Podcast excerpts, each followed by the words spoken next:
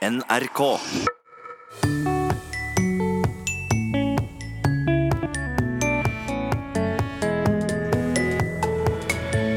Dagens utgave av Språkteigen byr på en liten maimiks av gjenhør med utvalgte saker. Vi kaster oss på toget. Ikke et vanlig tog, men preposisjonstoget. Alle om bord? Ja. ja, vi starter På stasjonen vi stopper, spør vi heter det i eller på her, mon tru? Det, det blir jo faktisk litt som å lære et, et fremmedspråk. Det. Du må lære dette her en gang for alle. Du må være lokalkjent. To andre små ord dukker opp i bunken med lytterspørsmål, nemlig de og dem. Hvorfor klarer vi ikke å sette dem riktig på plass? Her må vi jo holde tunga litt rett i munnen, fordi i store deler av variasjonen som ligger i talespråket vårt, så er det like former. Det er de og de, og det er dom og dom. Og dom som Åssen er det dette her? Dom som sier at dom er dumme, dom og dom og dom. Vel møtt til Språkteigens My-mix. Blant alle lyttespørsmåla vi får inn til Språkteigen, er det alltid noen gjengangere. Og i dagens lille miks med gjenhør skal vi ta opp et slikt spørsmål, som dukker opp med jevne mellomrom i ulike varianter. Berit R. Rolandsen formulerte det slik. Objektsformen dem erstattes oftere og oftere av subjektsformen de, som for eksempel jeg skal spørre de om det. Er det en naturlig forenkling eller forandring i språket? Og slik svarte Toril Oppsal. Her må vi jo holde tunga litt rett i munnen, fordi de og dem, som henholdsvis subjekts- og objektsform, det er ikke normalen i muntlig språk. I dialektene våre så finnes det veldig mange varianter av de, de, dem, dem, dom, dom, døm, døm. Like former i subjekts- og objektsform. Og når vi skriver på nynorsk, er det også to like former. Deg og deg. Og det er i det normerte skriftspråket bokmål først og fremst at dette skillet eksisterer. Og i språkreglene til NRK, som eh, du forholder deg til hvis du leser nyheter, f.eks., der anbefales det helt klart å opprettholde dette skillet mellom de og dem når man snakker normert bokmål. Og hvis vi skriver, og ønsker å skrive korrekt, så skal vi opprettholde dette skillet. Så, så spørsmålet avhenger litt av om dette dreier seg om tale eller skrift. Eh, Men det er flere lyttere som har undra seg på dette og skrevet inn også, fordi her ser det også ut til at folk reagerer på det muntlige. Ja. Og hvorfor gjør de det? Jo, fordi at her er det jo veldig mange talespråk som ligner på bokmålet. Og det er også folk som er vokst opp med talespråk som vanskelig kan kalles noe annet enn en talt østnorsk standard, eller noe som i hvert fall er veldig, veldig skriftspråk nært. Og når man hører dette her, så, så har man stilt inn, man har kalibrert. Og, og, og dette, ja, dette minner jo veldig om skrift. Og da må det da være feil, må det ikke det? Hmm. Altså, så man, man har rett og slett en annen, man holder opp en annen norm enn den som kanskje er gjeldende for talespråket. Eh, Så man reagerer tydeligere på ting som skiller seg fra en regel i skriftspråket. Jeg tror det er mye det dette her handler om. Eh, Og er det en endring altså Opplevelsen er utvetydig der.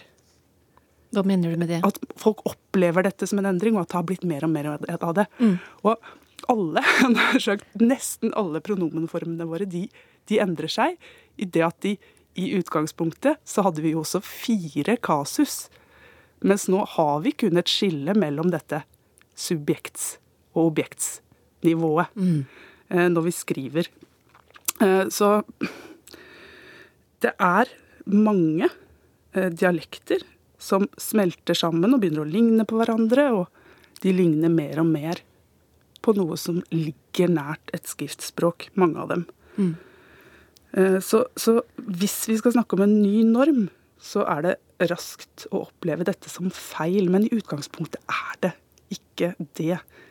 I store deler av variasjonen som ligger i talespråket vårt, så er det like former. Det er de og de, og det er dom og dom. Og dom som Åssen er det dette her? Dom som sier at dom er domme, dom og dom og dom. Helt riktig. ja. um, men det er klart at det er også noe mange av disse som skriver inn, har oppdaga. Det at det er jo historisk sett så er det også en vilje til å ville unngå noen former i noen sammenhenger. Eh, og jeg husker en tidligere kollega, Arne Torp, han skrev om dette her en gang. Og han hadde også funnet et anbefaling, lurer på om det var fra tidlig 1940-tall, at det er bedre å unngå et 'dem for mye' enn en det motsatte. Eh, så der lå det tydelig en føring om å bruke de. Akkurat. For det er særlig denne 'dem' som subjekt som en del da ville motsette seg. Det er også ett poeng her, og det er at, enda et poeng. Oi. Og det er at folk skriver mye mer, og de skriver mye mer muntlig prega. En økende tekstmasse som gjør at man også ser at folk da velger å skrive på noe som kanskje i utgangspunktet ser ut som normert skriftspråk, nynorsk eller bokmål, men så er det dialekt de skriver på. Og der popper det da opp veldig mange dier. og så skvetter man og tenker ja, men kjære vakre venner, kan det være rett, da?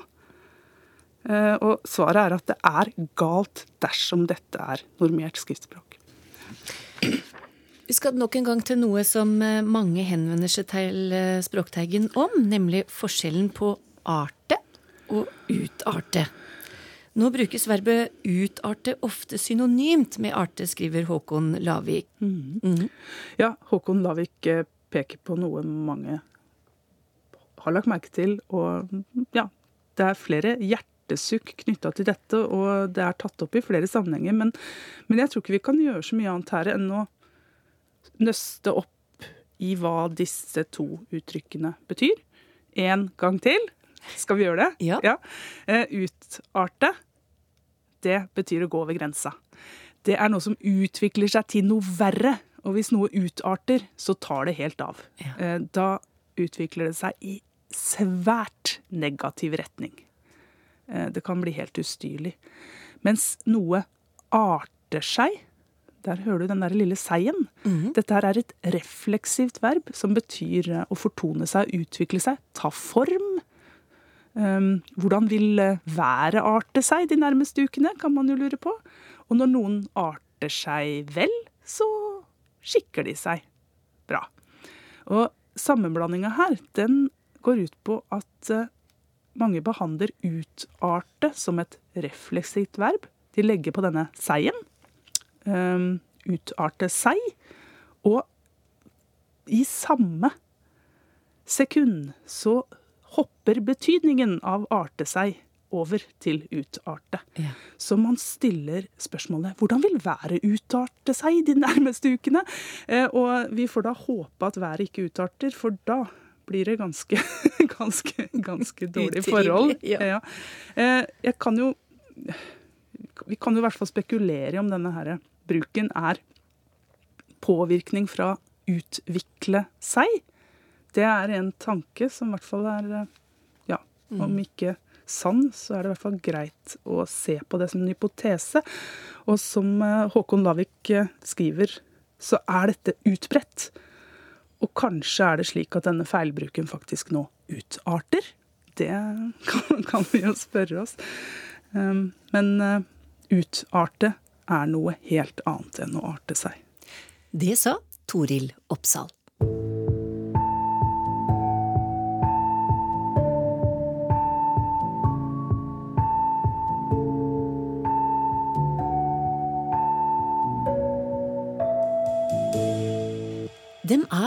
Små, men kan gjøre stor skade.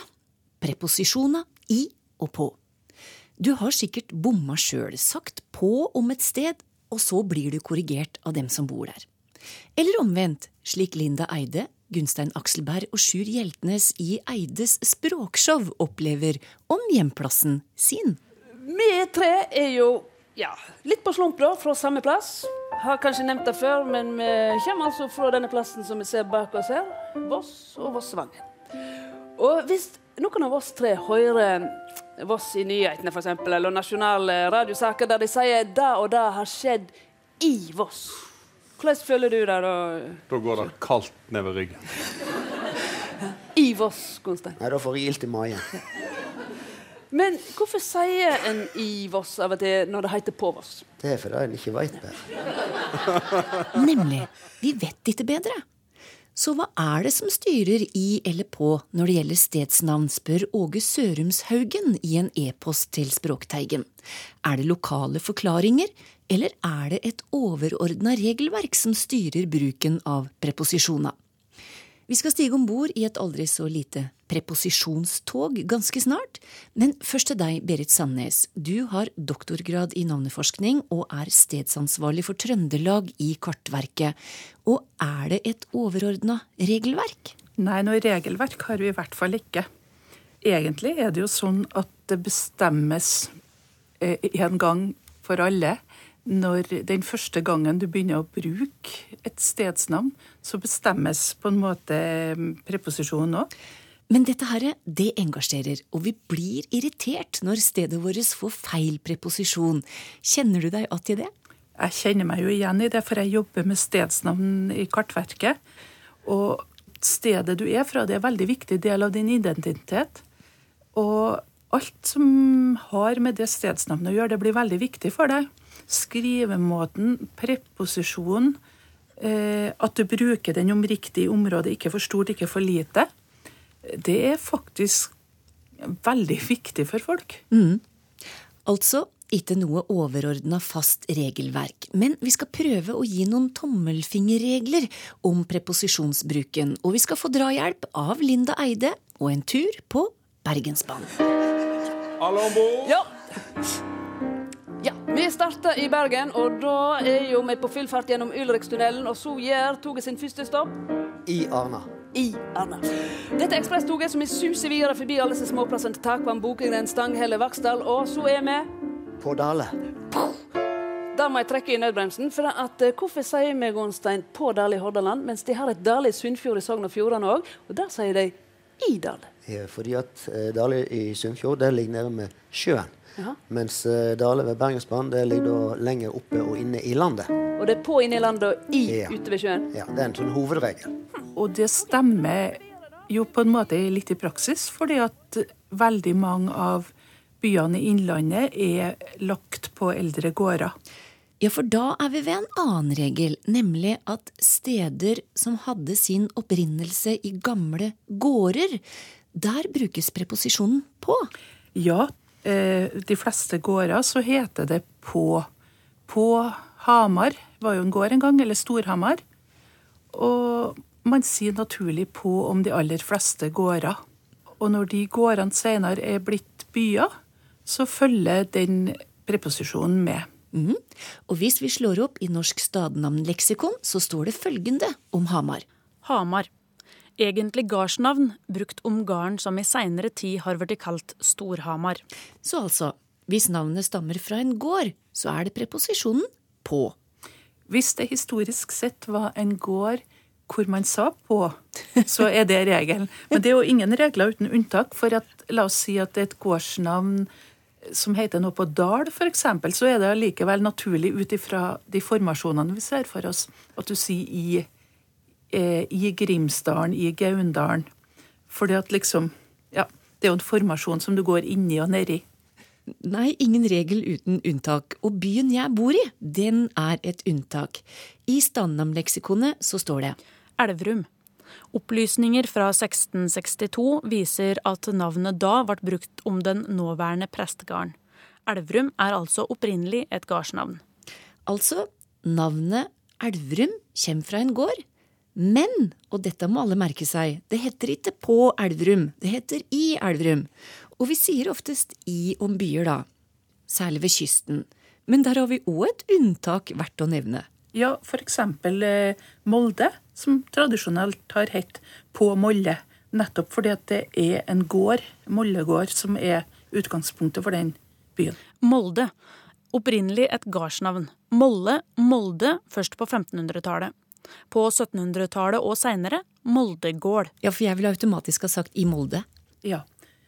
Ut ifra det vi har snakka om, at det veldig ofte er i om byer og i om plasser på kysten, så er det jo logisk å tenke at det er i Molde. Alt dette betyr jo at vi må kunne utrolig mye lokalhistorie da, for å vite hva som er rett preposisjon. Men det kan vi jo ikke. Nei, det er det ingen som gjør. Så det, det blir jo faktisk litt som å lære et et fremmedspråk. Det. Du må lære dette her en gang for alle. Og uten å tenke over det, så kan du jo navnene i det området hvor du er godt kjent. For dem har du hørt mange ganger. Så jeg vet eh, mange av navnene i Trøndelag. Og så blir jeg veldig usikker hvis jeg kommer ned til Stavangerkanten. Heter det i Sandnes eller på Sandnes? Jeg er fra en gård som heter På Sandnes. Jeg tror nok byen heter I. Ja. Så du må rett og slett være lokalkjent? Du må være lokalkjent. Ok. Vi skal bli med toget et stykke til. Ta plass. Ok, men Da ruller vi videre, da. Forbi både Bolstad og Evanger. Du kan bare gløyme Bolkjen gjennom tunnelen, og da er vi På Voss. Da veit vi på Voss, på Voss. Og så videre oppover Reimdal, Reimegreind og Mjølfjell og Oppsetet. Og oppoverbakke. ah, og da er vi På Myrdal. på en dal. På en dal, ja. For myrene ligger inne i landet, og det ligger høyt oppe. Akkurat. Og hadde vi kjørt Dovrebanen, så ville det vært det samme med Oppdal. Oppdal betyr dalen som ligger høyt. Og Oppdal finnes flere steder som gardsnavn. Da er betydningen gården som ligger inne eller oppe i dalen, jf. Ugdal og Uvdal. Altså på Oppdal. Men sjøl i lokalbefolkningen på Oppdal så vil noen si i. Og betyr det at preposisjonsbruk kan endre seg over tid? Ja, vet du, det tror jeg det gjør, fordi at det, det, det er flere og flere som sier i Oppdal. Og det er også et sted med mye turister, og kanskje folk som ikke har bakgrunn derfra. Så, så der er det nok mange som vil si i Oppdal, også naturlig, og med at det er en dal. Så, så igjen, alle regler er bare veiledende. Nemlig. Ja. Men, Også, ja. men eh, la oss si sånn som på Snåsa, på Oppdal, for å ta to bygder i Trøndelag, hvor man bruker på til vanlig. På Lillehammer blir det samme. Så kan man jo også si i Lillehammer eller i Oppdal. Det er bare at man mener noe annet, da. Da mener man hele kommunen. Å ja, så hvis du kommer til sjølve tettstedet, så er det på? Ja. Men i Lillehammer kommune, Hamar kommune, Ja. Oppdal kommune osv. Så alle de her plassene som har på om tettstedet, så har de i tillegg muligheten til å si i når de mener hele kommunen.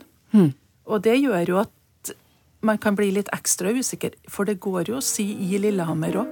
Ok, Da er vi videre gjennom eh, neste tunnel, for du ser jo ikke så mye av Norge. det er jo mye tunnel. Eh, og da er vi På Finse. nettopp 12-22 over havet, og da regner jeg med at siden vi er på fjellet, så er det hele tida på. Høyt oppe og Ja. på, ja. På Haugesvoll, på Ystadhuset, på Geilo, på Ål og på Gol, og da er vi I Nesbyen. Heter det i Nesbyen? I Nesbyen, ja. Ja, Sist gang sa du på. Ser jeg det? Ja. Det ser du. Skal vi ta en sjekk? Ta en sjekk. Nesbyen er nemlig vanskelig, for er det en by? Nei, det er ikke by. Nei. Nei. Hvis det er noen fra Nesbyen, nå får jeg ikke kontakt med noen i Nesbyen, men hvis jeg kan bare Vi satser på, vi satser på i. Satser på I. I Nesbyen, som ikke er en by allikevel, men i allikevel. Vi går videre etter Nesbyen. Eh, Flå er vel helt ute av planen, Ja. og da er vi kommet til en større plass som Da er vi På Hønefoss. på Hønefoss. Tja, Hønefoss. Hva sier Norsk stadnavnleksikon? Hønefoss har navn etter Hønefossen, foss i elva Begna. Førsteleddet er gardsnavnet Hønen. Ok, da stoler vi på stadnavnleksikonet. Og nå har vi flere ganger hørt opplesning fra Norsk stadnavnleksikon. Og er det et sted hvor vi enkelt og greit kan slå opp og finne stedsnavn og preposisjon? Norsk stadnamnleksikon det fins både i bokformat, det er sikkert noen som kjenner Norsk stadnamnleksikon. Det har kommet fire bind, eller fire utgaver. Så det er to gule og to røde. Og der står det i en del tilfeller hvilken preposisjon som skal brukes til et navn. Det er et register, eh, eller et leksikon over stedsnavn i Norge, men over 5000 navn. Og i noen tilfeller så står preposisjonen, da. Men det er ikke dekkende for hele landet, er det det du sier? Det er for det første ikke dekkende for hele landet. Det er bare de største plassene. Og det er heller ikke alle ganger det står noe preposisjon. Dette her er et oppslagsverk det som du nærmest har arva. Hva er historien bak det? Eh, ja, det er et verk som ble påbegynt på 70-tallet. Og da var det eh, Ola Stemshaug og Jørn Sandnes som jobba på Universitetet i Trondheim, som sto bak det her. Og Jørn Sandnes er faren min. Så nå er både en Ola Stemshaug og, en, og en Jørn Sandnes de eh, lever ikke lenger. Og jeg har på en måte arva Ja, jeg har arva et leksikon som jo egentlig stadig burde forbedres og gjøres mer med. Det vi har greid å gjøre, er å få det digitalt, men det er ikke ferdigredigert. Men folk kan jo gå på nettet og finne ganske mye informasjon, i hvert fall, om et utvalg norske stedsnavn. Men det finnes altså ikke noe enkelt sted vi kan slå opp og finne ut om det er i eller på for et stedsnavn.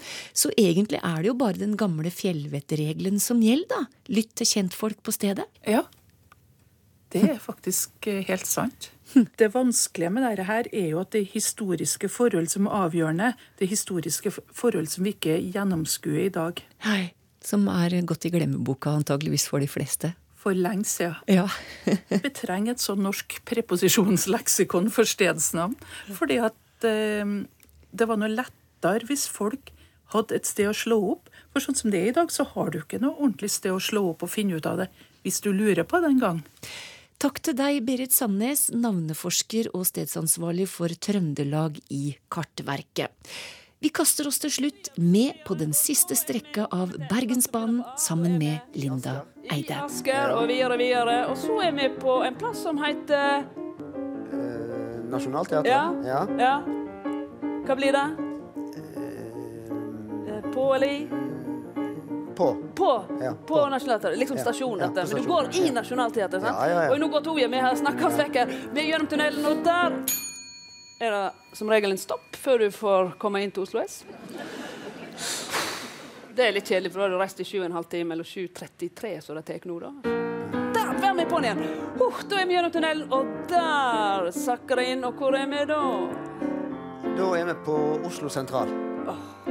Det er glede å forkynne at dette preposisjonstoget nå er framme på Oslo S i Oslo by.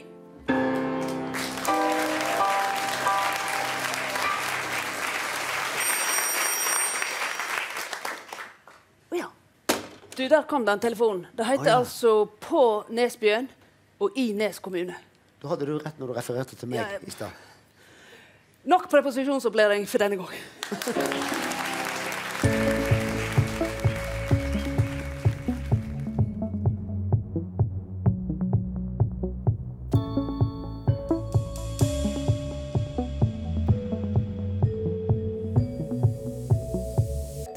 Vi skal ha flere lytterspørsmål, og nå er det Sylfest Lomheim som skal få svare. Og det er, ja, skal vi si, litt gammeldagse ord det handler om. Det første kommer fra 18 år gamle Eva. Hun spør ordet vederheftig, hva betyr det? Det er ikke så mange eh, personer under la oss si 35 år som snakker om vederheftig.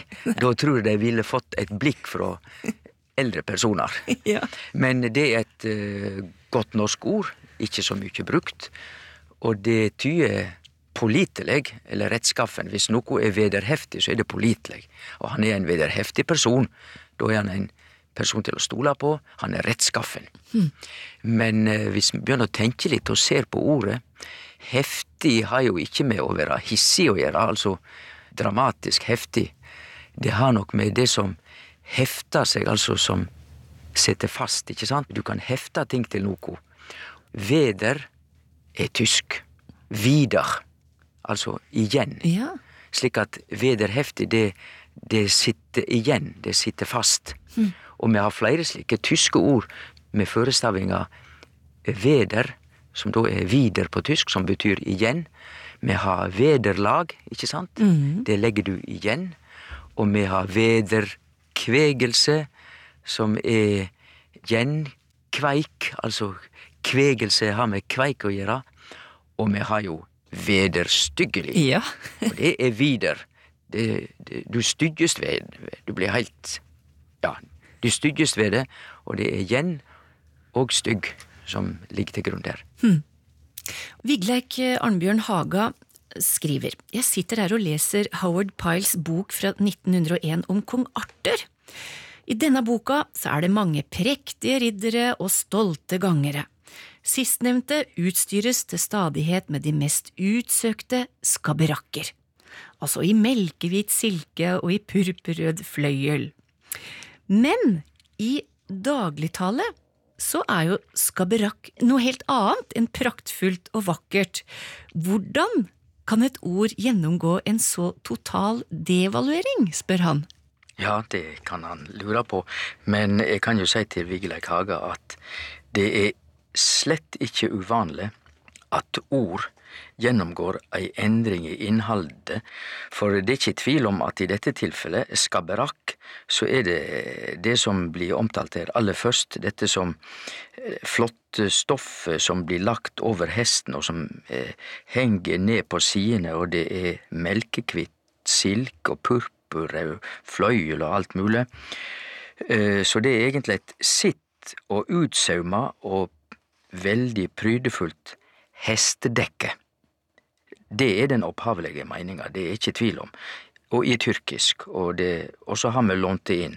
Men så har dette etter hvert fått ei semantisk endring i retning av noe som er uformelig og, og, svært og ikke helt til å Ja, det er uformelig, kort og godt. Med andre ord negativt. Mm. Og da er vi i den eh, meninga og i den bruksmåten som nordmenn flest kjenner det som et skabberakk, og jeg vet ikke om du, Torunn, har hørt det, men jeg ville ha hørt, iallfall i mange talemål i Norge, at de sier et skikkelig skabberakkels, altså legg på den ELS til slutt.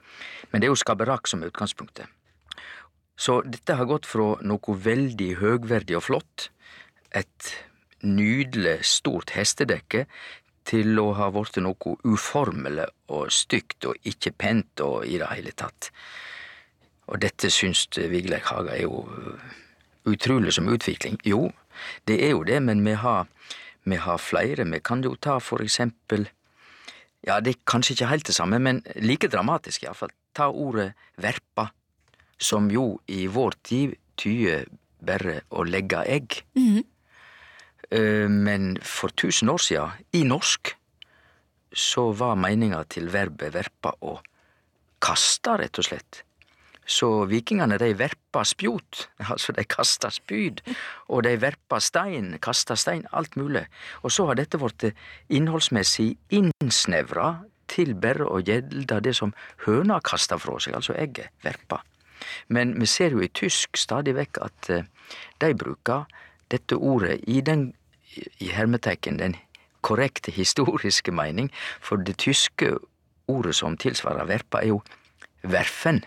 Og verfen betyr stadig vekk på tysk å kaste. Mm. Det var siste svar ut i dag, det. Takk til deg, Sylfest Lomheim. Språkteigen er tilbake om ei uke, og da får du hilse på denne dama her. Jeg er Mona Pedersen, og jeg kommer egentlig fra Aursjolen i Malangen, og har to dialekter. Mona er ei av mange her i landet som er bidialektale. Hun flytta sørover, så fikk hun ei dialekt nummer to tok mange år, tror jeg. Eh, så bare glei det liksom over. En bidialektal språkbruker er jo på en måte dialektversjonen av en flerspråklig språkbruker. Så det er en person som har tilegna seg å bruke mer enn ett norsk talemål eller en norsk dialekt. Sier Rikke van Omeren, som står bak den mest omfattende forskninga på dette fenomenet her til lands. Og du får høre mer om dette i Språkteigen neste uke. Ha det bra!